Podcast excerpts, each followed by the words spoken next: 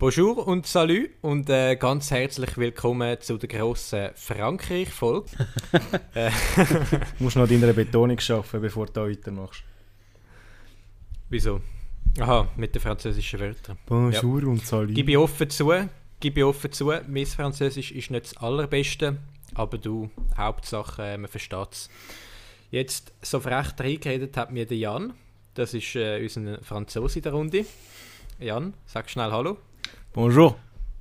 Ou plutôt bonsoir. Bonjour äh, aussi. Dann äh,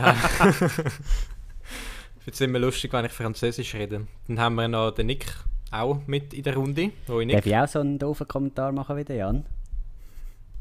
Ja, natürlich. Du hast äh, in der letzten Folge hast, hast so richtig angeteasert, dass für einen geilen Einstieg du hast. Ich muss sagen, ja, mittelmäßig. Stimmt, das ist recht mäßig. Das ist eben, ist eben leider immer das Problem, wenn man etwas schon gross anteast. Ähm, da, da kann man gar nicht mehr die anderen wirklich überzeugen. Hätte jetzt, hätte jetzt nichts im Voraus gesagt, dann wäre er jetzt überrascht von dem Einstieg und hätte gedacht, Moll, Nein, das ist mal etwas Neues. Da wären wir jetzt gestanden, hey, da wären wir gestanden. Tausend Applaus. Mit offenen Mühlen. Oh. Nein, aber ist doch geil, Micha. Weiter so. Genau, ich bin heute Touchmeister. Ich sage es gerade vorab, dass es klar gibt und äh, da natürlich auch äh, keine Differenzen dann gibt zwischen uns. Darum äh, steige ich auch gerade ein mit der ersten Frage, die ich an euch habe. Und zwar bin ich ja gerade beim Thema Frankreich gewesen. Der Jan ist ja dort schon mal gewesen. Zwecks einem Sprachaufenthalt. und äh, da ist meine erste Frage. Habt ihr crazy Geschichten aus irgendeinem Sprachaufenthalt, den ihr schon gehabt habt. Ich weiß von Nick, er ist schon mal in Neuseeland gewesen. Mhm. Äh, beim Jan weiß ich jetzt nicht, bist du auch schon mal in einem Sprachaufenthalt gewesen? Nein, noch nie. Also nie länger als drei Tage nacheinander. Geil. Das war jetzt natürlich ein kleiner Witz. Gewesen. Der, der Jan war mal in Frankreich. Gewesen. Hast du das eine crazy so Geschichte aus Frankreich? ähm, müsste ehrlich gesagt gerade fest überlegen, dass mir eine crazy Geschichte in den Sinn kommt. Okay. Ähm, Nick, hast du zuerst wollen? Äh, eigentlich nicht. Ich bin auch gerade am überlegen. Sonst fange ich an. Ihr könnt ja in dieser Zeit mal ein bisschen überlegen. Unbedingt. Weil äh, Nein, ich weiß, dass... Zuhören als überlegen, aber... also ich weiß, dass es aus Neuseeland crazy Geschichten gegeben hat. Sonst erzähle ich dann noch eine für dich, Nick. Ja, es hat mega viele, aber hast mir wieder vergessen. du hast mir damals einfach Sprachnotizen gemacht aus dem Sprachaufenthalt. Ja. So Stichwort Psycho oder Stichwort, Stichwort Zimmerbewohner. Auf jeden Fall, ich bin ja, insgesamt in meinem Leben schon in zwei Sprachaufenthalt gewesen. Einmal mit 17 in England und einmal in Amerika, in Miami. Das ist dann äh, das ist letztes Jahr gewesen. Ähm, ich kann sonst eine Geschichte aus England mal zuerst erzählen. Dann lasse ich euch eine erzählen und dann erzähle ich noch eine aus Miami. Also, ich bin in England gewesen, in einer Gastfamilie und die haben äh, immer relativ gut gekocht für mich zum Mittag, aber leider immer asiatisch. Ich muss jetzt sagen, ich bin kulinarisch nicht so gut unterwegs gewesen früher und bin äh, mehr auf Fastfood gestanden. Und in England gibt es ja ein KFC, was ja in der Schweiz damals nicht gegeben hat. Und dann habe ich äh, zum Mittag einmal gerne äh, im KFC gegessen.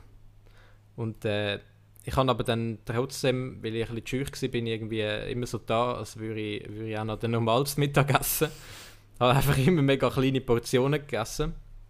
Und dann hat er mich gefragt, äh, hast du keinen Hunger oder so? Dann habe ich gesagt, ja, nein, nicht so Hunger. Und dann bin ich äh, in KFC gelaufen, habe mich dort reingesetzt und mir äh, eine grosse Portion irgendetwas bestellt. Und dann äh, ist er leider dann auch noch reingekommen mit den Kindern, weil sie schnell haben wollen einen Snack holen. Und das war äh, eine peinliche Situation dann. Gewesen. Ja. Crazy Geschichte, mhm. richtig crazy. Ich habe jetzt einen leichten Einstieg gemacht. Ähm, krassere Geschichten kommen nachher. Aber vielleicht haben die jetzt auch schon eine auf Lager. Ja, wo du angefangen hast von deiner Gastfamilie reden, ist mir etwas zu meinem Gastvater in den Sinn gekommen, was ja eigentlich an erster Stelle müsste kommen. Ähm, bevor ich in Frankreich angekommen bin, ich glaube drei Monate vorher, ähm, hat seine Frau irgendwie einen Schluss gemacht mit ihm, hat ihn verlassen. Und er hat in dieser Zeit irgendwie sich äh, so eine, so eine Dating-App installiert und hat mir dann in der ersten Woche schon gezeigt, wie viele Matches das er da schon hat und mit wie Mir vielen gefällt, Frauen das... richtig, mir gefällt richtig, wo das hinführt. ähm, oh, wenig gewesen. Ja, und dann hat er erzählt, mit wie vielen Frauen dass er gleichzeitig am Schreiben ist. Äh, die eine von denen ist irgendwie mal in der ersten Woche auf die Nacht vorbeigekommen. Äh, die nächste Woche ist mal eine andere gekommen. Insgesamt habe ich glaube ich etwa vier oder fünf verschiedene Frauen gesehen bei ihm daheim am Nachtessen. Wie Also alt ist der? Gewesen? 5, 56. Mhm. Ähm, und ein Abend, oder eine Nacht ist es besser gesagt schon gewesen, es ist ja damals Frauenfußball-WM gelaufen und ich habe das dort äh, zum einen geschaut, weil sich der Brüder, also der, sein Sohn für das interessiert hat, weil die Franzosen eine relativ gute Mannschaft haben und weil ich halt irgendwie die Sprache ja lernen durch, durch das Hören von dem Kommentatorenzeug. Dann ist der Sohn hat irgendwie mit seiner Freundin abgemacht, gehabt, ist dann gegangen. Und dann habe ich den Fernseher abgestellt, bin noch schnell hocken geblieben, um mit jemandem zu schreiben. Und dann kommt doch der Gastvater mit einer auf seiner Frau heim. Wild am rumknutschen. ähm, zumindest durchs Wohnzimmer. Äh, sie haben mich, glaube ich, irgendwie nicht gesehen. Aber sind dann die Stegen auf und sind verschwunden. Und das ist doch irgendwie recht komisch. Ja, ich muss sagen, meine Geschichte hast du schon mal getoppt. So lernt man Sprachen. hä? Aber tönt Ja, nach, Fußball äh, nach, einer lustigen, nach einer lustigen Gastfamilie. Er hat, er hat super fein gekocht. Das kann man vielleicht dazu sagen, nicht, dass man da das völlig falsche Bild von ihm bekommt. Nein, klar, ich habe jetzt auch gedacht, der, der kann wahrscheinlich gar nicht kochen. ja, geil. Geil. Hey. Wie sieht es aus in Neuseeland? Ja, Ich bin muss mal auf der sagen, ganz anderen Seite von der, von der Landkarte. ich habe ein bisschen studiert vorher. Ich habe natürlich auch versucht, vor allem zuzuhören. Und es ist, es ist irgendwie schon mega lang her, als ich in Neuseeland war. Und, also es hat schon ein paar Geschichten gegeben, aber äh, mir kommt keine richtig gute in den Sinn. Also du, du hast den Psycho erwähnt, das ist ein... Äh, das ist einer gewesen. Also wir haben dort äh, alle, wir sind, es war so ein Volontäraufenthalt gewesen, wo man ähm, alle in einem Haus gewohnt hat, so amig zwischen ähm, Minimum 5 und Maximum, ich glaube 12 oder 13 sind wir mal gewesen, wo dann dort gewohnt haben, so miteinander gekocht haben und, und, und ein bisschen rumgehängt sind und dann den Tag durch unter der Woche sind wir amig go, äh, go, go, go arbeiten auf dem Feld. Wir haben irgendwie so Feldarbeit müssen machen. Also so, äh, nein, nicht Feldarbeit. ah, ich bin so nicht konzentriert. Hey. Von was rede ich eigentlich? Von was haben wir es? Wir haben wir haben es gerade von der Sommerferien, wo du jetzt gerade äh, letzte gewesen bist. Bist ja in Mallorca, hast du gesagt. Hast, bist gewesen. Ich habe wirklich gerade voll den Faden verloren. Hä? Neuseeland, gesagt- Psycho, Ah, Feldarbeit. Neuseeland, genau. Feldarbeit. Ähm, ah, Naturschutzprojekte sind es, gewesen, nicht Feldarbeit. ähm, und, äh, und dann sind wir dort zum Teil zu Bauern gegangen und haben dort irgendwie so Zeug müssen machen oder äh, haben irgendeinen Park haben wir mal müssen befreien von irgendwelchem Unkraut oder so. Auf jeden Fall ist es unter, ähm, unter das Thema gegangen. Und dort hat es einen gehabt, also dort sind wir ja alle so gemischt gewesen, mal Franzosen, Engländer äh, und so weiter. Und da hat es einen Belgier gehabt, glaube und der war mega komisch, gewesen. der war verdammt anhänglich bei mir. Der war, weiß nicht, so 30, glaube ich, etwa 30, 35. Äh, und der ist die ganze Zeit, ist er so, hat er einem so angestarrt und nachher, wenn man irgendetwas gesagt hat, hat er einfach so gelacht und, und immer noch einem angestarrt und so, mega komisch gewesen. Und der hat irgendwie ein bisschen auf mich abgesehen, weil ich, weil ich dort immer, immer ein bisschen alleine bin. Also nicht, vor allem am Anfang nicht so voll in dieser Gruppe. Ähm, ja, und dann äh, immer können wir so mit dem rumhängen, weil er halt auch immer nachgelaufen ist und so. Das war komisch. Gewesen. Aber ich habe jetzt keine krasse Geschichte ehrlich gesagt. Ich weiß gar nicht, was da der Tüli wie ein Saumeis macht da hinten. Der, Ah, der. Tüll ist der Mitbewohner, Ja, er macht sich einen ganz Tee. kurz aufklären. Er macht sich einen Tee und das ist auch gut so. ich kann sonst noch eine Miami-Geschichte erzählen. Ähm, jetzt weiß ich aber schon, der Nick kennt die Geschichte. Das ist doch gleich. Und ich erzähle sie, ich erzähle sie jetzt nur, wenn sie den Jan noch nicht kennt. Stichwort Crazy Cat Lady. Sagt ihr das etwas, Jan? Nein, das sagt mir glaube ich nicht.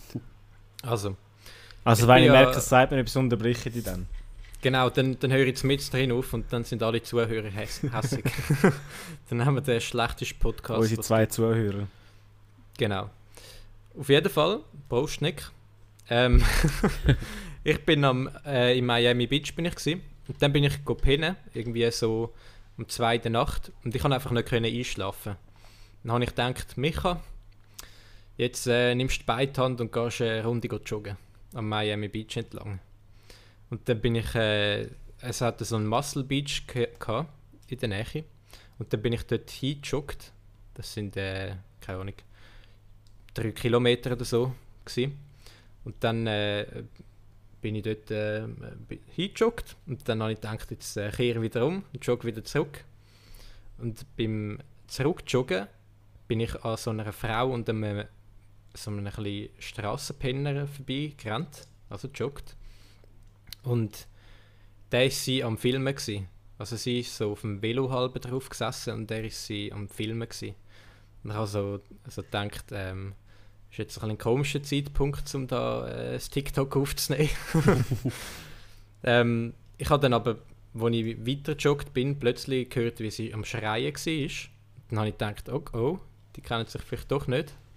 Und bin wieder umgekehrt und äh, auf die zu, zu gerannt und so laut «Hey» geschrauen, um irgendwie äh, ähm, für Aufmerksamkeit zu sorgen, weil ich habe ja nicht gewusst, was dort abgeht. Und ähm, Mich hat es nicht so Dann- gern, wenn er keine Aufmerksamkeit bekommt. genau, jetzt muss ich meine Gedanken ordnen, um die Geschichte noch richtig zusammenzubringen. Und es ist äh, gut, wenn du ab und zu einen Zwischenkommentar machst. ähm, auf jeden Fall, der war sie am Filmen gewesen. Und, und sie hat irgendwie äh, mir dann irgendwie gesagt, dass er irgendwie am Katzenschlagen ist oder so, weil sie füttert dort äh, so wilde Katzen. Es gibt mega viele Wildkatzen dort. Und sie füttert die und er hat gesagt, er schlägt Katzen. Und nachher, also sie hat mega wild auf mich eingeredet und er hat dann auch mega wild auf mich eingeredet und mir gesagt, so sein Handy zeigt, wie er auf Snapchat ist und die Katze gefilmt hat und gesagt, ja, ich habe äh, hab die Katze nur gefilmt, weil ich sie gern habe. und dann hat er noch hässlich so Katzenfutter, was sie dort ausbreitet hat, äh, weggeschlagen. Und, und sie ist so hässig geworden und sie hat dann ähm, auch 911 wollen anrufen. Und Ich habe versucht, ein bisschen zu schlichten. Also der, der Typ war auch ähm, betrunken. Gewesen. Also ich hatte es mit zwei völlig irren zu tun, gehabt, weil sie so eine richtig crazy Cat Lady war. Und sie hat dann 911 angerufen und, und so ihn beschrieben am Telefon. Und ich habe mir gedacht, äh, die Polizei hat sicher nichts Besseres zu tun, als da einen zu jagen, der jetzt äh, Katzenfutter wegrührt. Auf jeden Fall hat er mir da so seine Snap-Stories gezeigt und so. Und dann hat sie mich plötzlich auch für einen Bösen sozusagen gehalten. Und hat so mega hässig äh, mich gefragt, ob ich auch zu ihm gehöre und so. Ähm, und er ist dann, wo, wo sie die Polizei angerufen hat, ist er aber geflüchtet. Und ich bin dann noch dort geblieben. Ähm, und dann, dann habe ich plötzlich müssen Ausreden finden, wieso ich nicht zu ihm gehöre. Dann hat sie so gesagt, ja, wieso schaust du in seine Snap-Stories, wenn du nicht zu ihm gehörst und so. und äh, da habe ich gedacht, da habe ich mal etwas Gutes wollen tun. Habe ich wollen in eine, in eine Situation eingreifen und dann am Schluss äh, bin ich selber noch drunter gekommen. Aber äh, ich bin dann weiter gejoggt, bevor äh, die Polizei kam. Ist. Bist du bist der Verhaftung noch entwichen? Genau. Hätte mir können vorstellen, dass sie nachher alles Tier in die Schuhe geschoben hätten. Ja, man weiß ja nie bei der amerikanischen Polizei. Auf das Mal bin ich da noch schuldig, dass ich äh, eine Snap-Story Katz- geschaut habe. Aber ja, das war auf jeden Fall eine sehr äh, komische Situation. Gewesen. Am 2. Nacht oder am 3 schon, keine Ahnung. Und äh, ja. Seitdem äh, laufe ich immer weiter, wenn jemand um Hilfe schreit und sagt, das ist nicht mein Business. Nein, natürlich nicht. aber, äh, nicht mein Bier, äh, ich laufe da mal weiter. Genau. Wenn ich sehe, wie jemand zusammengeschlagen wird, dann sage ich, hm, da halte ich mich raus. Das ist nicht mein Problem. Jan, was ist deine letzte Heldentat? Meine letzte Heldentat. Ja. Ähm, So à la Micha, weißt du? Ja, mal, einfach mal woher rufen. Hast du auch schon mal so etwas gemacht? nein. Also in dem Stil habe ich glaube nichts. Muss ich sagen. Ähm, ich wäre glaube der, der sich aus so Situationen eher raushaltet und da nicht gross eingreift, vor allem wenn ich schon beim Vorbeijoggen gemerkt habe, dass die eine eigentlich voll den Ecken abhat und der andere halb besoffen ist. Nein, das habe ich noch nicht gemerkt beim Vorbeijoggen. Das habe ich Ja. erst dann nachher gemerkt. Ich hätte es gemerkt. ähm, ich hätte, Natürlich. ich, ich hätte glaube nicht umgekehrt ähm, zum go einschreiten und zum go Situationen schlichten. Ähm, weil mit so Leuten kannst du meistens, wie jetzt die Geschichte zeigt, relativ schlecht reden in dem Sinne, Naja, um irgendwie... Aber jetzt mal angenommen, jetzt mal angenommen, du hättest nicht gemerkt, dass die Frau auch ein bisschen komisch ist und sie schreit um Hilfe. Wärst du dann einfach weitergejoggt oder was? Du musst ja immer schauen, ähm, inwiefern bringe ich mich selber in Gefahr. Es, Ja. ist, es klingt jetzt vielleicht egoistisch, aber wenn du im Ausland bist, ist das doch gerade nochmal ein bisschen heikel. Also ich zum Beispiel weiß nicht, inwiefern ich im Ausland versichert bin und so. es, ja, es spielt doch schon. Das wäre vielleicht nicht der erste Gedanke, aber. Es kommt jetzt darauf an, wenn, wenn jetzt dort so sechs Jungs gewesen wär, wären und die hätten einen verprügelt, dann wäre ich jetzt auch nicht drauf losgerannt. Dann hätte ich irgendwie die Polizei angerufen. Dann hätte Ja, ich mich aber da auch nicht in Gefahr finde ich schon, schon recht heikel. Das hat es in Ja, ich kann- Frankreich ich kann- relativ viel gehabt, wenn du heimgelaufen bist von, irgendeiner, von irgendetwas, was du gemacht hast. Hat Ja. relativ viele so Grüppel, die als Zweit und das Dritte unterwegs waren und die sind alle besoffen oder bekifft gewesen.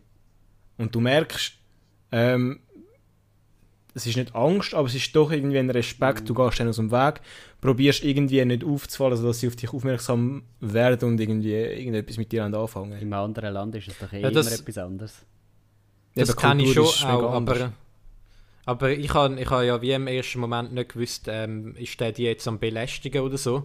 Und dann, wenn du einfach mal so mega selbstbewusst so laut «Hey» rufst und auf ihn zurennst, dann kann es ja sein, dass er abhaut, weil er irgendwie dann selber irgendwie Angst bekommt. Du hast eben Das ist halt einfach so mein erster... Das ist halt so mein erster Impuls dann gewesen. Aber jetzt klar, eben wenn, wenn, wenn mich jetzt die Situation mega gefährlich dunkt hätte von Anfang an, dann hätte, hätte ich auch einen anderen Weg gesucht. Aber finde ich gut. Selbstschluss, einfach äh, drin hineingehen. Ist Ich habe besser, gar nicht drüber nachdenken. besser, Oh, als zuerst mal besser als zuerst mal go googlen, um zu schauen, ob du, ob du auch versichert bist. Wirklich. Zuerst ein Portemonnaie anschauen nach der Reiseversicherung. ist das mit eingeschlossen? Nein, ja, wir nehmen die hoch, oder? Wir nehmen die ganz hoch da. Mhm. Das ist doch geil. Nein, aber das, das finde ich geil. Äh, Hättest du schon eine, eine gescheiterte Heldentat? Aber ist ja immer, immerhin ehrlich. Also würden jetzt, würden jetzt auch Leute sagen, ja du, er hätte jetzt sofort gesagt, äh, wenn dort äh, zehn Jungs gestanden wären, die einen Box, boxen hätten, dann wäre ich gerade reingegangen. Also meinst du, der Jan ist dann, äh, ja, der Jan ist immerhin Ja, ehrlich. Nein, ist ja, also, sagt ja gar niemand etwas dagegen. Also gut, es kommt auch darauf an, gell, ob du, wenn du wirklich allein unterwegs bist, weil vor eben Leuten, die sich selber nicht unter Kontrolle haben, habe ich mega viel Respekt Uh, da weißt du nie, was glaub, vor- passiert. vor Besoffenen und so, die du nicht kennst. Ja. Weil wenn du mit Kollegen unterwegs bist, wo, wo du weißt, wie sie sind, wenn sie angetrunken sind, äh, oder mal zwei, drei Bierchen haben, dann ist es ja okay, weil die kannst du einschätzen. Aber Leute, die du nicht kennst und nicht kannst einschätzen, finde ich immer ein bisschen heikel. Da kann alles passieren. Es, Nein, ich glaube, es kommt, es kommt auch ein bisschen einmal auf den Moment drauf an. Wenn, also ich bin jetzt gerade am Joggen gewesen, und wenn du Sport machst, bist du ja sowieso noch mal selbstbewusster. kommt darauf an, was für Sport du machst. Ja, ich habe joggt. Aha, habe ich nicht mitbekommen. Gut, dazu, ich hätte gar nicht erst um zwei aufgestanden, um gut zu joggen. Das wäre mein Genau. erster Schritt. ja, obwohl, Joggen, joggen wird am Abend oder am Morgen. wenn du schon mal äh, in Miami bist, mitten in der Nacht, das ist warm, ist doch geil. Mal, muss man mal Das ist das erste, was du machst am Strand nach joggen um zwei in der Nacht. Ja, Wegen dem gehst du auf. Geil. Richtig geil. Aber hast denn du äh, mal eine Heldentat voll- vollbracht, Nick? Äh, wie gesagt, es kommt, es kommt mir gar keine richtige in Sinn, nur eine gescheiterte, wo, wo ein bisschen äh, von der Situation her Also wie in bei mir. Richtung geht. Ja, ja, genau. Ja. Ähm, da bin ich, es ist jetzt, ein bisschen peinlich. Ähm, da, da bin ich damals noch in meinem, in meinem Dorf in Erlenbach. Ähm, ich habe relativ weit oben gewohnt und nachher, äh, das war eben auch der Schulweg von, von vielen Kindern. Und ich habe es gehasst, wenn ich, wenn ich am Auflaufen war und nachher hat es halt überall so ein bisschen Kinder und so. Ähm, und dann hat es dort mal so etwa, etwa fünf Kinder gehabt. Die sind so pff, etwa vierte, fünfte Klasse gewesen. Ähm, und dort war so vier gegen einen. Irgendwie so vier haben, haben so den einen irgendwie genervt und irgendwie so geschupft und so. Und äh, eigentlich denke mir, die sollen das untereinander lösen, aber ich meine, es war vier gegen einen. Gewesen. Dann dachte ich, also komm, gehen wir mal, gehen wir mal dort hin und machen einen auf Erwachsenen, oder? Und dann bin ich so dort und gefragt, äh, was denn da los ist und so.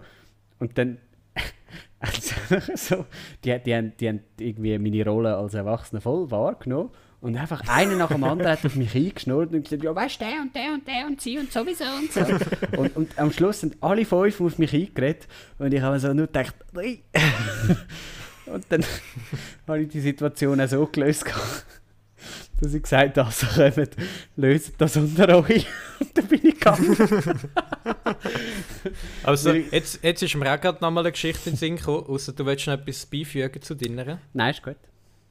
Ich habe auch mal äh, Kinder am, am sich gegenseitig ein bisschen mobben gesehen. Also ich bin im Zug gesessen und dann hat sie so eine kleine Schulklasse gehabt. Und dann hat sie so ein einen dicklichen äh, Bub gehabt dort. Und die anderen haben ihm irgendwie sein Schnuddertuch oder so, haben, sie ihm weggeschmissen und, äh, und ihm nicht zurückgeben und haben so hin und her geschmissen und so. Und der hat aber wirklich schon, also der ist nervlich am Ende gewesen, wegen seinem scheiß Schnuddertuch und habe fast angefangen zu heulen und so. Ähm, und dort habe ich auch eingegriffen, habe, ähm, bin dann zu einem, der es ihm weggenommen hat, bin so hingegangen, so selbstbewusst eingestanden, gesagt, gib's mir. Dann hat es mir gegeben, dann habe ich es am anderen wieder gegeben, also am, am kleinen Bub, der fast gekühlt hat. Und dann bin ich hässig wieder zurückgesessen. ja, da, und, äh, aber das Krasse habe ich gefunden, es hat auch dort einfach noch einen Lehrer hinten dran der dort gesessen ist. Und der hat das auch gesehen. Der hat einfach nicht eingegriffen. Das finde ich so krass irgendwie. Ähm, wenn Lehrer sich äh, dort so der Verantwortung äh, ähm, entziehen, sozusagen. Und der Lehrer hat, hat mir dann so nachgeschaut und äh, war auch so mega verwundert. Gewesen. Aber das finde ich sowieso noch krass. Also, mega oft habe ich das Gefühl, so Lehrer nehmen so Sachen gar nicht wahr. Aber Was meinst du da dazu als Lehrer, Jan? Als angehender Lehrer. Als angehender Lehrer. Ähm, meinst du jetzt auf einer Klassenreise oder jetzt spezifisch? Ja, sowohl als auch. Ähm, vielmals findet ja Mobbing eigentlich hinter dem Rücken vom Lehrer statt. Das heißt, es wird absichtlich so gemacht, dass es der Lehrer nicht mitbekommt, sondern erst dann, wenn das Kind zum Lehrer kommt und sagt, hey, ich habe ein Problem, der, der Holger und der Sepp, die mobben mich. Mhm dann wirst du quasi darauf aufmerksam in den meisten Fällen. Und dann kannst du dagegen vorgehen, indem du das, das, das thematisierst. Ähm, gegen so kleine Föppelereien machst du meistens gar nicht, weil kleine Föppelereien gehören dann sich so ein bisschen dazu. Weißt, sich, mhm. sich gegenseitig ansticheln und so. Aber wenn du jetzt siehst, dass der eine fast am Krepieren ist, wegen so einem Schnuddertuch. ja, ich habe ich has, äh, ich has mit einem heulenden und mit einem lachenden Auge gesehen.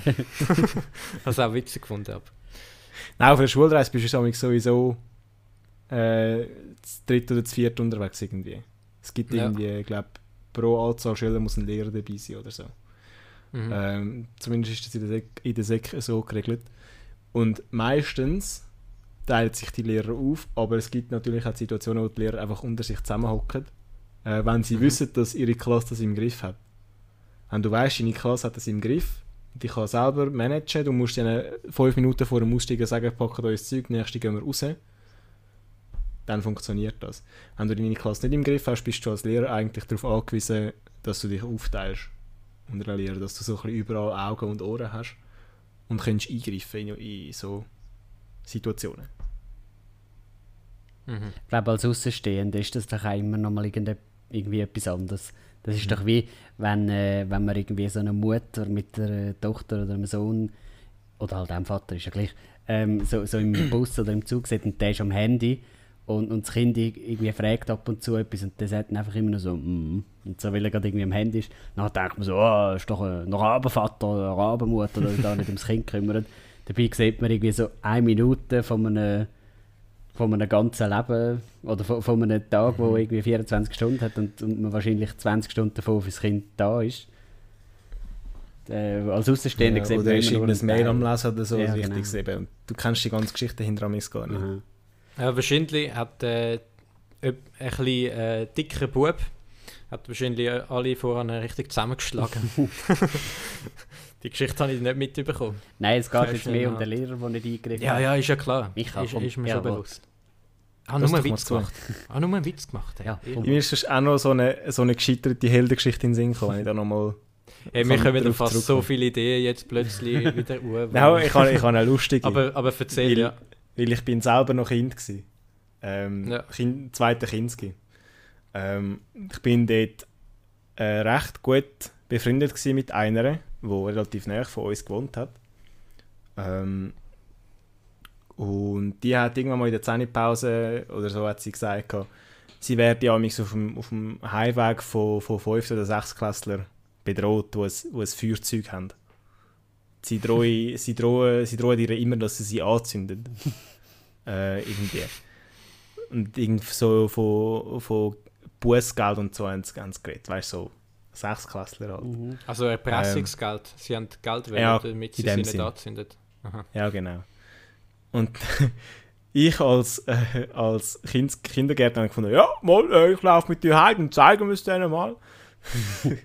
Dann sind wir zusammen heimgelaufen. Warte, warte darf, ich schnell, darf ich schnell vorausgreifen? Es sind dann so 30-Jährige gewesen und du hast auch Angst bekommen und hast am Schluss auch noch dein Geld müssen abgeben Nein, nein. Äh, es sind schon sechs Cluster gewesen, aber die sind dann das vierte unterwegs oder das dritte, weiß es nicht mehr. Sind die auch irgendwie auf dem Heimweg gewesen, weil sie in der Nähe gewohnt haben. Ähm, und dann haben sie mit ihrem Feuerzeug rumgespielt. «Oh, dich zünden wir auch an und so, morgen bringst du uns 10, ab, äh, 10 Franken mit» und so. und dann rat mal, wer der Erste war, der davon gerannt ist. Oder ich. Äh, aber bis, Aha, bis ich du bist auch noch als Kind gewesen, stimmt. Ja. Ja. ah, hallo, wenn da 16 gekommen wäre mit einem 40 und ich da als junger Erwachsener, hätte ich die da putzfertig gemacht. nein, nein, ich bin selber noch Kind. Gewesen. Ich bin da, ihr kennt, kennt ja den Hoger, der zu uns raufgeht. Dort bin ich den ganzen Tag aufgesäckelt. Hochgesäckelt und dann, als ich heimgekommen bin, hinter mir die Türen abgeschlossen. Ah, herzig. Ja, Eine kleine Saugofen gewesen. Scheiß 6 Klässler. Alter. Ich, ich habe mal ähm, au- auch noch zu, zu Erlenbach-Zeiten, wo ich nicht noch gewohnt habe, ähm, äh, beim Bahnhof gibt es so eine lange Stege, wo, wo nachher halt rauf geht. Und dort ist so, ein- so ein Ömi, ist die Stege raufgelaufen. Und dann ähm, habe ich, und sie hat so zwei dicke, äh, zwei grosse Taschen in der Hand, gehabt, so Einkaufstaschen. Und dann habe ich, habe ich sie gefragt, ob ich ihr etwas abnehmen kann. Und dann hat sie gesagt, ja, ja, gern. Und, und ist mega froh gewesen. Und sie ist unglaublich langsam gelaufen. Also bin ich dann einfach schon mal raufgelaufen. Und dann bin ich so blöd gewesen. Ich habe so gesehen, der Bus fährt ab. Und dann bin ich einfach, äh, ich dachte, oh Scheiße, ich muss ja im Bus. Dann bin ich im Bus eingestiegen und ich einfach noch ihren Einkauf gehabt. Und dann bin ich abgefahren. Und es ist mir dann erst aufgefallen, dass ich jetzt einfach ihren Einkauf habe. Dann bin ich, bin ich wieder ausgestiegen äh, in der nächsten Station und alles nochmal zurückgesäckelt. Aber es ist einfach nicht mehr da. Gewesen. Ich habe ihren Einkauf noch gehabt. Dann habe ich dort auf den nächsten Bus gewartet, äh, in der Hoffnung, dass sie halt irgendwie noch irgendwo zu laufen kommt oder so. Das war aber nicht der Fall. Gewesen. Dann habe ich, habe ich das Zeug halt dort liegen lassen. Jetzt im Nachhinein wäre es vielleicht noch clever gewesen, einfach mal ins Altersheim zu gehen und fragen, ob dort irgendein Ömi, obwohl, also würde eigentlich auch keinen Sinn machen. Auf jeden Fall, ja, habe ich der eigentlich das Essen geklaut. Und nachher ist da gelassen. ja. Ist das, ist das die Stege in. Erlenbach? Ist das die Stege in Erlenbach, wo ich mal runtergeflogen bin und dann den Autoschlüssel verloren habe im Gebüsch? Nein, nein, voll nicht. Nein, gerade beim Bahnhof, nicht hinter dem Bahnhof. Oh, das war erst Tohu Wabohu. gewesen. Ja. Ja, jetzt könnt ihr die Geschichte schon erzählen. Jetzt könnt ihr ihn einfach so im Raum stehen lassen. Ja, die ist jetzt eben gar nicht so spektakulär. Also wir haben an ein Meeting müssen dort äh, bin ich äh, im Praktikum mit dem Nick. Und wir haben an ein Meeting müssen. Das klingt so Dann- erwachsen. Das klingt erwachsen, gell? Ja, wir, wir sind an eine Schule gegangen. Auf, auf jeden Fall an eine Schulung von Google. Ähm, und dann sind wir schnell Ah, mit dem stimmt. Auto zum, Bahn, zum Bahnhof runtergefahren. Eine YouTube-Schule ist Zug-. Genau. Der Zug ist dann eben bald losgefahren und wir haben dann mega schnell müssen die Stege runtersäckeln. Und ich bin dann irgendwie äh, die Stege runtergeflogen und habe den Autoschlüssel noch in der Hand gehabt und den aus Versehen fliegen lassen. Und links von der Stege hat es so ein riesiges Gebüsch gehabt. Und dann habe ich irgendwie den Schlüssel noch ins Gebüsch reingerührt. Und dann haben wir den müssen suchen und haben darum den Zug verpasst. Nicht nur der. Und sind Und spät das Meeting gekommen. Ja, das Mhm. Meeting hat, sind wir natürlich auch spät gekommen. Aber das liegt an Und- mir noch unter anderem. Weil ich habe den falschen Ort rausgesucht. Dann sind wir zuerst noch beim falschen Stimmt, das ist Google-Areal. dann. Das ist so typisch Nick, Ja, nicht? Ja. Das sind die lustigen Geschichten. ja, wir sind so dermaßen aber zu der-. Und wir sind so, wir sind äh, richtig durchs Gebüsch gegangen und haben noch am Schluss halbe Dornen in den Fingern gehabt. Nein, nicht wirklich, aber es hat so Stachelgestrüpp gehabt und so. Und äh, der Plot-Twist war, der Schlüssel ist gar nicht richtig im Gebüsch gelegen, sondern irgendwie äh, noch fast an den Stegen dran. Mhm. Wir haben einfach nur im Also- Gebüsch geschaut und nicht auf den Stegen selber. Das Ja. ist doch manchmal, dann suchst du viel zu weit, als das Mhm. eigentlich müsstest suchen und dann findest du Mhm. es mega lang nicht. Und wir, wir sind, äh, wo wir gemerkt haben, dass wir auch noch beim falschen Google-Gebäude sind, sind wir auch noch mega gerannt Ja. und joggt und wir sind so verschwitzt am Ende. Hey. Wir haben so gedacht, äh, nehmen wir jetzt nicht mehr die ÖV, jetzt säckeln wir halt einfach dorthin. ja. Sind sicher äh, etwa 10, 15 Minuten sind wir einfach am Säckeln gewesen. Weil wir Mhm. müssen in die Nähe vom HB, dort wo, wo die Post ist, hinten dran vom HB, hat's, äh, dort ist eben auch irgendwie ein Teil vom Google Center. Ist ja gleich. Auf jeden Fall ähm, sind wir nachher dort und das, ich hasse es, wenn ich irgendwo zu spät komme, ich hasse es so. Und dann sind wir dort reingegangen und halt irgendwie so, äh, wie viel sind das gewesen? Vielleicht 50, 50, 60 erwachsene Leute, die dort gesessen sind. Ja. Ich wäre jetzt mit 20 reingegangen. Oder so. Ja, wir nehmen die goldige Mitte. Und äh, also ein Kollege von uns war schon dort. Gewesen. Dann haben wir uns durchgezwängelt zu dem. Ui nein, ich habe auch nicht mehr wirklich viel mitbekommen nachher dort. Habe zuerst mal Ja, müssen 10 hab ich. Minuten Verschnaufspause machen. Habe mich auch nicht mehr groß konzentriert. Dann. Naja. Aber mir fällt mal eine Helden-Story ein. Wieder einmal in Anführungs- und Schlusszeichen. es, sind so, es ist so ein kleiner Bub auf mich zugekommen, wo ich. Uiuiui, jetzt hat gerade im Stegenhaus ein Hund bellt. Ich bin richtig verschrocken. auf jeden Fall ähm, ist so ein Bub auf mich zugerannt, gekommen, so außer Atem, und hat gesagt: oh, Mein Kollege ist umgeflogen, ich muss dringend helfen und so. Und äh, dann habe ich gedacht, ja gut, äh, was wollte ich jetzt machen? Ich bin doch kein Arzt. Auf jeden Fall bin ich dann aber äh, widerwillig äh, mit dem mitgelaufen. Und dann hat so, so einen anderen kleinen Bub gehabt. Der ist unter seinem Velo gelegen. und dann hat er gesagt, au, au, mein Bein, bla bla bla. Und dann habe ich gesagt, ja gut, äh, schaffst du es zum Aufstehen und zum Laufen? Dann hat er gesagt, nein. Dann habe ich gesagt, ja gut, soll ich, soll ich dir einen äh, Krankenwagen anrufen? ich habe nicht gewusst, was man macht in so einer Situation. Und dann hat er gesagt, nein, ich sollte auch nicht irgendwie einen Krankenwagen anrufen. Und ich habe dann aber irgendwie gesagt, ja, wenn du nicht kannst aufstehen und nicht kannst laufen, dann, dann rufe den Krankenwagen an. Und habe schon so Anzeichen gemacht. Und nachher haben sie gesagt, ist der, ist der Putz munter wieder unter dem Velo für- vorgekommen und aufgestanden und hat gesagt, ah, wir haben dich nur reingelegt, wir haben dich verarscht. Alter, Mann, so so geholfen. Ja, die haben, die haben so einen Prank gemacht. Also nein. einfach ohne It's Filme. just a prank. Ja, sie Gott, haben, die, äh, hat- die, die hätte ich glaube zusammengestuft. ja, nachher hat, man- hat man der, der eine hat mir so, so einen Handshake geben. so äh, mega coole Reaktion und so. Habe ich nicht eingeschlagen und. Nein, sie haben es nicht gefilmt, zum Glück. Also dann hätte ich ja gesagt, sie dürfen es nicht verwenden, wäre mir zu dumm gewesen.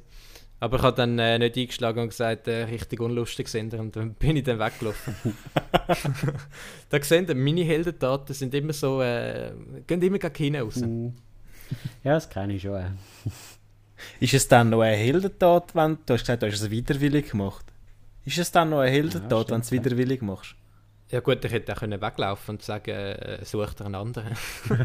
ja, nein, es ist jetzt es ist nicht eine Heldentat. Ich habe ja gesagt, die Anführungs- und Schlusszeichen. Ja. Ist ja selbstverständlich eigentlich, dass man hingeht und versucht, irgendwie zu helfen. Aber Du bist, glaube sogar verpflichtet in der Schweiz. Dass wenn du einen Ja, Unfall voll. beobachtest, in dem Sinne, dass du hilfst. Mhm. Dann sind wir alles Helden. hm? Ja, aber ich finde, äh, auch wenn es eine Selbstverständlichkeit ist, ist es trotzdem auch eine Heldentat, wenn man irgendwie bei einem Unfall geht, helfen. Weil es machen ja trotzdem mega wenig Leute. Mhm. Dann ist es keine Selbstverständlichkeit mehr. Ja, aber es Touché. sollte eigentlich eine sein. Es sollte eigentlich eine sein. Ja. Ich habe auch mal so ein Video geschaut von einem Autounfall. Also sie haben einen gefaked, um zu schauen, ob die Leute würden anhalten Und es ist irgendwie eine Viertelstunde gegangen, bis überhaupt mal irgendein Notruf eingegangen ist. Aber angehalten hat nie jemand. Aber se selbst nach dem Unfall, eine Viertelstunde hat es gedauert, bis ein Notruf Krass. eingegangen ist. Gut, es ist dynamics noch. Ich habe jetzt auch nie einen Unfall selber erlebt, so einen Strassenunfall. Ähm, aber es ist ja dann immer so ein bisschen die Frage von wer übernimmt den Lead. Weil eigentlich, Mhm. äh, wenn, wenn du zu mehreren Personen unterwegs bist, wenn du mit ein paar Leuten unterwegs bist, dann übernimmt jemand den Lead und koordiniert die anderen. Du schaust, dass, du schaust, dass die Straße gesichert ist und so. Und dass quasi jemand den Überblick hat und die anderen ausführen in dem Sinn, so blöd, dass es tönt. Ähm, und ich glaube, diese Rolle wollen relativ wenig übernehmen oder falls jemand schon den Lead hat, sich dann dem unterzuordnen. Das ist dann so ein bisschen ähm, das Ding, dass das irgendwie nicht zustande kommt. damit. Ich wüsste jetzt auch nicht, ob ich ähm, wie viel Zivilcourage ich würde sagen. Ich, ich hoffe, ich komme nie in so eine Situation rein. Aber ich glaube, ich wäre mega geschockt, wenn ich irgendwie überall Blut wäre oder so. Da könnte ich mir auch vor, also könnte jetzt auch nicht sagen, dass ich äh, würde helfen unbedingt. Also, Gut, es kommt natürlich darauf an, ob du auf der Autobahn mit 120 drauf vorbeifährst ja. oder ob auf einer 30er-Zone siehst, wie zwei Autos. Gut, in der 30er-Zone gibt es Mit, ja fast 100, keine. mit 100 ineinander hinfahren. Oder eben oder irgendwo ja, ja, in einem Ort. ein. Das macht schon einen Unterschied. Ich meine, wir sind, Mhm. ähm, unser Kampfcamp damals war in Spanien gewesen, und wir sind mit dem Car runtergefahren. Wir sind Und- auf Spanien. Yes. Geil. Wir sind die, die letzte. Hundsverlocherte irgendwo in der Schweiz. Jedenfalls bei der Abfahrt ähm, sind wir natürlich die Nacht durchgefahren, weil du fährst irgendwie so 14 Stunden oder so. Und sind eigentlich fast alle haben geschlafen. Ich glaube, wir sind noch zu 5 oder 6 noch wach gewesen. Und draussen war stockdunkel, gewesen, 2 Uhr am Morgen oder so. Dann fahren wir und dann siehst du weit vorne irgend so ein oranges Licht und dann denkt man, also, das ist irgendein Warnsignal oder so. Dann fahren wir drauf, du bist einfach ein Auto am Brennen gewesen. ah, was? Weißt du, so Boah, ja. 8 Meter hohe Flamme. Und dort haltest du nicht an. Also bringst dich natürlich nur selber in Gefahr. Wenn, also jetzt Aber haben die dann, haben die dann irgendwie einen Notruf angerufen? Wie das, also wenn du mit... Also da verstehe ich schon, dass du jetzt nicht gehst, go eingreifen. Wenn dich ich bin, nicht sicher, ich bin nicht sicher, ob schon ein Notruf dort war. Das haben wir eben nicht gesehen. Das hat, glaube der Fahrer, die haben das irgendwie... Er hat einfach keinen Bock Ja, gehabt. und gesagt, ja, ja, alle schon dort. Nein, ich weiß nicht. Ich weiß nicht, ob es damals einen, einen, einen Notruf schon dort gehabt hat oder ob schon einer eingegangen ist oder ob der Fahrer irgendetwas gemacht hat. Aber ich nehme schon an, dass falls niemand da war, dass er dann angerufen hat. Mhm. Das schätzt jetzt der Typ schon so ein. Aber in dem Fall äh, verstehe ich ja auch, dass in so einer Situation nicht anhaltest, wenn du mit 80 Jugendlichen unterwegs bist. Ja, Weil ja, dass du da Leute in Gefahr bringst. Ja gut, wenn du jetzt weiter weg parkierst und nachher eben schnell wartest, anläutest und die sagen dir irgendwie, was du sollst machen, das ist ja besser als einfach durchfahren. Kannst ja gleich äh, Ja, aber einen es ist nochmal ein Unterschied. Ich finde, es ist nochmal ein Unterschied, ob jetzt zwei Autos sind und eingeteilt sind oder ob das Auto lichterloh am Brennen ist. Ich meine, da kannst du als Zivilbürger kannst du da nicht viel machen. Mal mit Abstand. Das ist doch sowieso, sowieso die erste Ja, Regel, dass du dich nicht selber in Gefahr bringst, glaube Ja, das ist die erste Regel, dass du nicht noch mehr Schaden verursachst. Ja, ja, aber wenn du ja irgendwo anhaltest und gehst anrufen, ist das sicher besser als einfach durchfahren. Oder einfach durchfahren und irgendwie während dem Fahren noch schnell ein bisschen anrufen und weiter. Wenn du anhaltest, kannst du sagen, hey, schaut, es sieht so und so aus, wir sind da und da, was soll ich machen? Dann sagen die vielleicht, ja, fahr weiter oder, oder schau. Oder die, also die werden dich ja dann auch nicht Mhm. in Gefahr bringen. Ja, ich voll. denke jetzt, das hätte es schon gemacht, falls jetzt niemand da gewesen wäre. Aber eben, es ist ja gut möglich, dass schon irgendjemand dort war. Ja, Aber ist ja gleich. Wir wissen es nicht. He? richtig. Nothelferkurs haben wir, ähm, das war mega geil. Gewesen. Dort haben wir am Ende des Nothelferkurs äh, sind wir so durch einen Parkour durchgegangen. Ähm, das ist immer so, du bist in einen Raum hineingegangen und die Hälfte von der Gruppe ist schon drin und hat irgendetwas inszeniert. Also, der eine, also die, die einen sind halt verletzt, gewesen, die anderen sind Passanten und so. Und die Gruppe, die reingekommen ist, hat nachher müssen richtig reagieren und irgendetwas machen. Ähm, und da hat es auch mit noch Kameras gehabt. Also, wir sind aufgezeichnet worden, sodass wir es am Schluss dann können alle zusammen anschauen und schauen, wer richtig reagiert hat und wer nicht. Ähm, und ich habe im ersten Raum habe ich irgendwie nicht gecheckt, gehabt, dass wir aufgezeichnet werden. Und ich habe irgendwie massiv falsch reagiert. Ähm, ich ich habe nicht gecheckt, was ich machen soll. Ähm, und bin dann einfach einmal so ein bisschen hin und her gelaufen. Und immer wieder so zu, zu einem Verletzten gegangen. Aber dort war eben auch schon einer. Gewesen. Dann habe ich den so gefragt, ist alles okay und so. Und der hat dann gesagt, nein. Und dann bin ich wieder gegangen. und bin zu, zu dem, wo irgendwie die Polizei angerufen hat halt. Äh, bin zu dem angestanden, bin wieder zurück und so. Und man hat das so im Video richtig gut gesehen, dass ich einfach der Einzige war, der die ganze Zeit umeinander gelaufen ist. Und mal dort, mal da, mal wieder zurück und so. Bist du einmal zum Verletzten gegangen und hast gefragt, äh, kann ich das Glas Wasser bringen? Oder? ja, so in dem Stil. Aber bei uns, bei uns ist der Nothelfer viel langweiliger gewesen. Es war einfach Ja, trockene Theorie ja. gewesen. und dann, dann muss man auch die, die Puppe ein bisschen trocken. Ja, mir ist der auch empfohlen worden, der, der Kurs dort, weil, weil die es eben so cool machen. Mhm. Wir haben noch Druckverband und Seitenlagerung und so müssen üben, aber sonst haben wir auch. Ja, das haben wir auch gehabt. Ja, also Zeug haben wir auch Aber gemacht. Es ist mehr Ich so mich die wieder wie im Karate gefühlt. Ja. Wir haben mal in der Cefi äh, in einem Lager haben wir am, Ab am Abend noch so, so Leiteraktivitäten. Wenn die Kinder quasi im Nest sind, äh, sind wir noch im, im Esssaal und haben irgendeine Aktivität. Meistens ist es irgendein Spiel, so Werwölfe, irgend sowas. Und die, die dort an dem einen Abend verantwortlich waren, haben irgendwie so einen, einen Lagernotfall simuliert. Irgendwie, es ist irgendwie ein Kind hat sich verletzt und es hat, ich weiß nicht mehr genau, es hat fünf oder vier verschiedene Charakter gehabt, die so von Raum zu Raum dann zirkuliert sind und du als Gruppe hast dann richtig mit denen müssen umgehen. Ich meine, es hat einen Journalist gehabt, der probiert hat, da alles Mögliche herauszufinden. Ähm, es hat es irgendein ein alter Mann, der vorbeigelaufen ist und das gesehen hat und der der müssen irgendwie beruhigen. Das ist noch cool gemacht, vor allem weil wir damals dort noch 16 gewesen sind und quasi das erste Mal mit so etwas, auch wenn es nicht echt ist, konfrontiert worden sind. Und dann hast du quasi Teils von dem, was du, du eigentlich einfach weißt, vom Allgemeinwissen, andererseits von dem, was du in gewissen Kursen schon gehört oder gelernt hast. Aber du hast auch von den älteren Leitern können lernen, wie sie das, wie sie das handeln. Und dann so ein bisschen von dem Das profitieren. ist schon geil, ja. Das ist schon cool. Das ist, das ist auch geblieben. Wenn du ich spielerisch machst, bleibt das Spiel besser, ja. Bei den einen Personen. Darum finde ich auch, der, es gibt ja beim Autofahren auch noch den WAP-Kurs zum Beispiel. Den habe ich Also jetzt gibt es ja nur noch einen. Aber den, den habe ich zum Beispiel mega cool gefunden, Mhm. weil du dort auch ähm, praktisch hast können ausprobieren mit, äh, mit Kurven und äh, Wasser, Wasser am Boden und so. Der Schleuderkurs äh, Das- ist ja das, was wir noch müssen machen. Schleuder- Der andere gibt es eben nicht mehr. Ja. Ich hätte Aber am eben das- 29. April gehabt, aber äh, ist ausgefallen. Oh. Ich muss jetzt ähm, anrufen wegen einem Verschiebedatum seit einem Monat. Aber ähm, dort, wo es aktuell gewesen wäre, habe ich es vergessen. Und was mir wieder in den Sinn kam, ist, bin ich schon mit in der Prüfungsphase gewesen. Aber ich muss dann denen nächste Woche mal anrufen, dass ich das auch noch abschließen kann. Sonst muss ich wieder vorne Ja, anfangen. das wär ist mir scheisse, Total ja. anschiessen.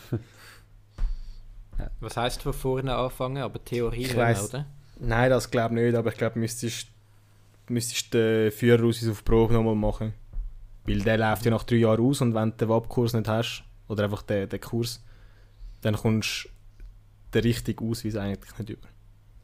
Es gibt ja aber auch noch so Kurse, wo du während dem Fahren lernen äh, musst machen, parallel dazu. Also so Theoriekurse, wo du irgendwie se sechs Lektionen, glaube ich, Ist hast. das der GL? Also auch cool. Einfach, einfach an der Abend. VK Äh, GLK ist zu heavy. VK, irgend so etwas. Verkehrskundeunterricht. Ja, Ja, genau. ich glaube, den müsste ich nicht Ja, mehr. ja. Aber Dann so müsstest du genau. dann nicht mehr. Ich habe keine Ahnung, weil ich plane schon den zu machen, bevor mein grüner Dings Der ausläuft. ist richtig schäbig im Fall. Also, den Schleuderkurs Der habe ich mega äh, geil gefunden, äh, weil das, das bringt Es ist, glaube ich, so irgendetwas etwas. Kombiniertes. Ich glaub, Mhm. Ja, mega viele haben gesagt, der zweite bringt es nicht. Und vor allem ist es auch, ihr hast quasi Geld aus dem Fenster für etwas, was dir nichts bringt. Der eine Kollege hat erzählt, die seien irgendwie zu fünft unterwegs mit dem Lehrer und seien alle im Auto gehockt.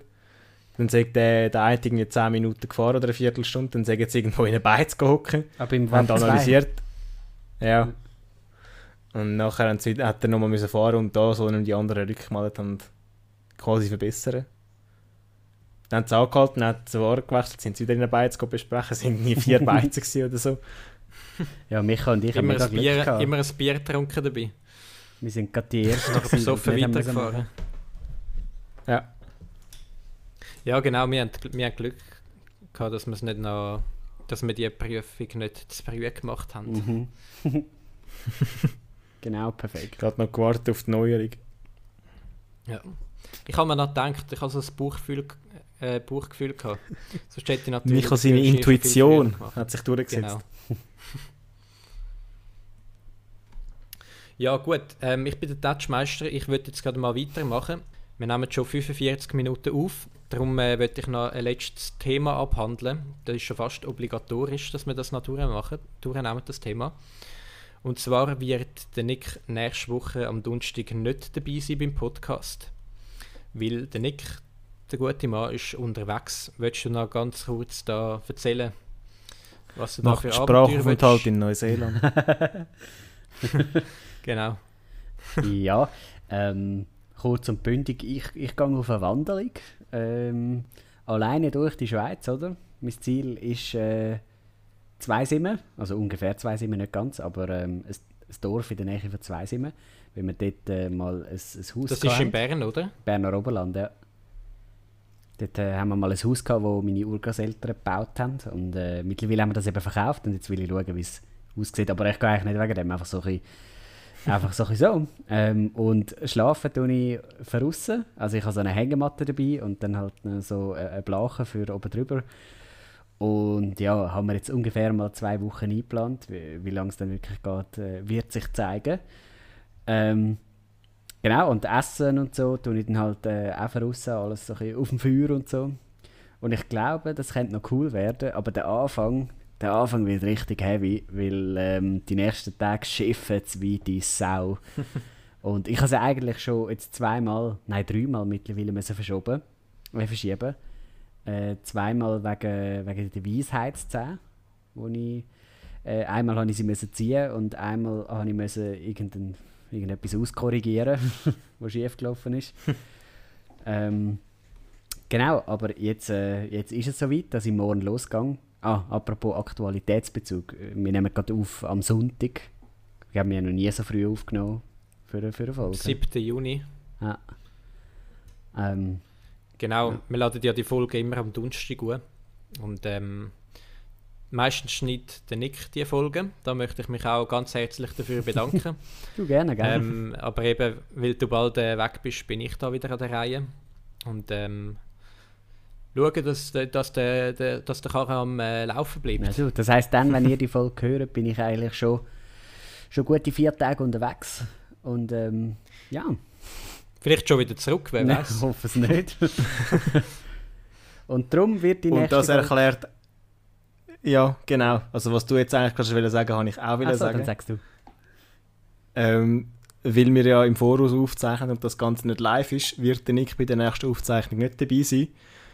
Aber äh, der Micha und ich sorgen dafür, dass ihr äh, eure Unterhaltung für den Donnerstagmittag habt. Wir geben euch ein Äh, kleines wir Zückchen lassen euch nicht allein. Weg trotzdem. ähm, wir, wir, wir gehen mit euch durch die Woche. Das tönt, das tönt so lustig mit, wir lassen euch nicht, nicht allein, wenn, wenn man äh, Zuhörerzahl im Kopf hat. Aber äh, finde find ich witzig. Wird vielleicht eine ganz neue Energie in den Podcast geben. Vielleicht wissen Ja, wir gar nicht, was cool. reden. Vielleicht schiessen wir den Nick ganz äh, raus. Ja, vielleicht Nein, merken wir dann eh. wirklich. Ähm, Nein, Der wird natürlich dann- nicht. wird dann der Micha plötzlich damit konfrontiert, dass er auch mal muss reden genau. Aber ich finde, äh, die Folge, äh, Die Folge hat er genug Ja, geredet, finde ich. wenn, ich, gut, wenn ich der äh, sich Touchmeister bin, dann rede ich immer relativ viel, habe ich das Gefühl. Ich glaube, die Folge Ja, habe ich den höchsten so. Redeanteil. Auf jeden Fall, ich habe dir noch ein paar Fragen wollen zu der Wanderung stellen, wo Hau sie du, raus. mir im Voraus, wo du mir im Vorhinein nicht hast wollen beantworten, weil du die äh, Oh, oh, hast oh, oh, wollen oh. im Podcast beantworten und jetzt fallen mir die Fragen nicht mehr ein. weißt du die? Das ist typisch Micha. Ja. Ich weiß es ehrlich gesagt auch nicht mehr. Du hast mich fragen, was ich so bin auch- Mittagessen habe. Aber ne- ja. Was hast du dabei zum Mittag? Gibt doch, gibt doch so die, die Fertigmenü, wo du einfach so musst mit Wasser anrühren So heißes Wasser und Mhm. so. Das ist eigentlich recht grusig, amig, aber ich habe jetzt recht viel von denen. Und dann halt noch sehr viel an Badwürst und Brot und so. Das kannst du nicht unterwegs posten. Ja, So mal. Eben, ich habe jetzt so. nicht, all, nicht für zwei Wochen Zeug dabei, aber mal so ein bisschen für die Ah, ersten paar Tage. Und eben die, die erste Nacht oder die zweite äh, stürmt es ja, glaube ich, draussen und dann hast du gesagt, übernachtest in einer Jugendherberge oder so. Ja, genau. Ja, eben dann nicht. Also, ähm, äh, vom, vom Montag auf Dienstag in der Nacht schiffen es eigentlich schon mega, aber, aber da bin ich jetzt halt gleich voraus und muss ich noch schauen, wie ich das mache. Und nachher der ganze Dienstag kübelt es eben auch äh, wie ein Herrgöttli. Und dann bin ich am Dienstag über die Nacht bin ich in einem Hotel, äh, um halt wieder alles zu trocknen und so. Und dann Mittwoch soll es, glaube ich, einigermaßen gehen. Und dann ab dem Donnerstag ist schön Wetter. Und dann, ähm, dann gehe ich dann wahrscheinlich auch nicht mehr in ein Hotel. Oder außer ich muss mal irgendwie, weiss doch auch nicht, äh, mein gebrochenes Bein wieder ein bisschen äh, schonen. Richten. Jetzt kann ich da mein gelerntes Gegenwissen einbringen, weil ich habe gerade vorher auf dem Wetterbericht geschaut und bei uns schifft es am Mittwochabend ziemlich fest. Und das ist jetzt, weil das Wetter halt, das schlechte Wetter kommt vom Westen und zieht bei uns durch. so. Irgendetwas ist eben gleich noch hängen geblieben, auch wenn alles Kurzzeitgedächtnis memoriert wurde ist. Da kannst du sogar Das ist äh, noch, die Haltfront, kannst du oder? noch sagen, was für Wolken das es sind. Sind es äh, Cumuluswolken oder Äh, das, Stratuswolken? kann ich sagen, das kann ich dir dann sagen, wenn ich es sehe. Gut. Nein, das haben wir nicht müssen können. Nicht, hä? Zum Glück. Ja, das habe ich eben gelernt. Ja, in der Kante haben wir das müssen können. Ich kann dir noch sagen, wie die Gewitterwoche heisst und nachher ist fertig. Also sag. Die Cumulonimbus. Genau. Verstehst Ja, richtig. Ja, ähm, Uh! Ähm, dann würde ich sagen, freue ich mich auf sonst haben die nächste noch Folge, etwas oder? Spannendes zum Erzählen. Du, ne, äh, Gut. im Moment ist gut. ich Ähm, glaube, meine Prüfungen äh, interessieren niemand wirklich groß. aber die sind jetzt dann bald durch. Eben, wie, wie gesagt, Ja. nächste Folge, äh, nächste Folge äh, dann nur mit dem Jan und mir. Denn ich werde das dann vom Wandern aus hören. Sofern sein Handy nicht kaputt geht wegen dem Gewitter. Außer der ist ja am Donnerstag schon wieder daheim, wer weiß. Ja, Ja, voll, aber dann wäre ja gleich nicht dabei in der Folge. aber dann los ist es halt nicht auf der Wanderung, sondern Ja, das wäre eben schade. Fände das eben noch geil dann schaust du, dass es bis am Donnerstag geht. Ja, Ähm, ich wäre noch, ich würde es noch cool finden, wenn du uns könntest updaten und einen Zwischenstand geben äh, von der Wanderung. Kannst du uns ab und zu Sprachnotizen machen und dann können wir da auch noch eine Sprachnotiz dann können wir das einbauen. laufen lassen ja, ja, klar. im Das Podcast. so. Ja, Cool. zu eine lustige Geschichte. Hey, super. Richtig. Dann haben wir jetzt. Das ähm, ist gut. Ja, äh, äh, äh, finde ich gut. Dann haben wir jetzt äh, eine knackige Podcast-Folge. Ich glaube, äh, sie ist eine von der besseren. Wir haben gewusst, was reden. Sonst dem Zuhörer noch deine Meinung äh, aufzwingen. Genau. Soll sich selber äh, eine Meinung bilden. möchte ich den Podcast beenden und den Jan darum bitten, dass wir nicht reinschnurrt. Sonst äh, wird das dann nächste Woche. Ich möchte ähm, dich, ich, ich möchte dich nur daran erinnern, dass wir noch einen Filmtitel brauchen, lieber Ja, das ist so. Oh ja, wir Und es brauchen ist sehr viel um. Helden gegangen. Ich, will- ich will nur das einfach mal Ja. so als Wink geben. Tun wir echt mal Shazam in den Raum. Shazam. Das ist aber kein Ja, das ist doch... dritter Held. Ja, aber es ist so ein Nachbarschaftsheld. Ja, es hat etwas. Es muss um einen Anti-Held gehen. Der Deadpool wäre doch etwas. Das ist ja nicht wirklich ein He Es ist so ein Anti-Held halt. ja, es hat etwas. Aber der passt doch voll nicht ins Schema. Also es wäre es, es wär ein Vorschlag. Gibt es noch andere Anti-Helden? Also, wenn ich jetzt an die Geschichte denke vom Nick und dich austesten, habe ich eher den Shazam im Kopf als den Deadpool. Muss ich ganz ehrlich sagen.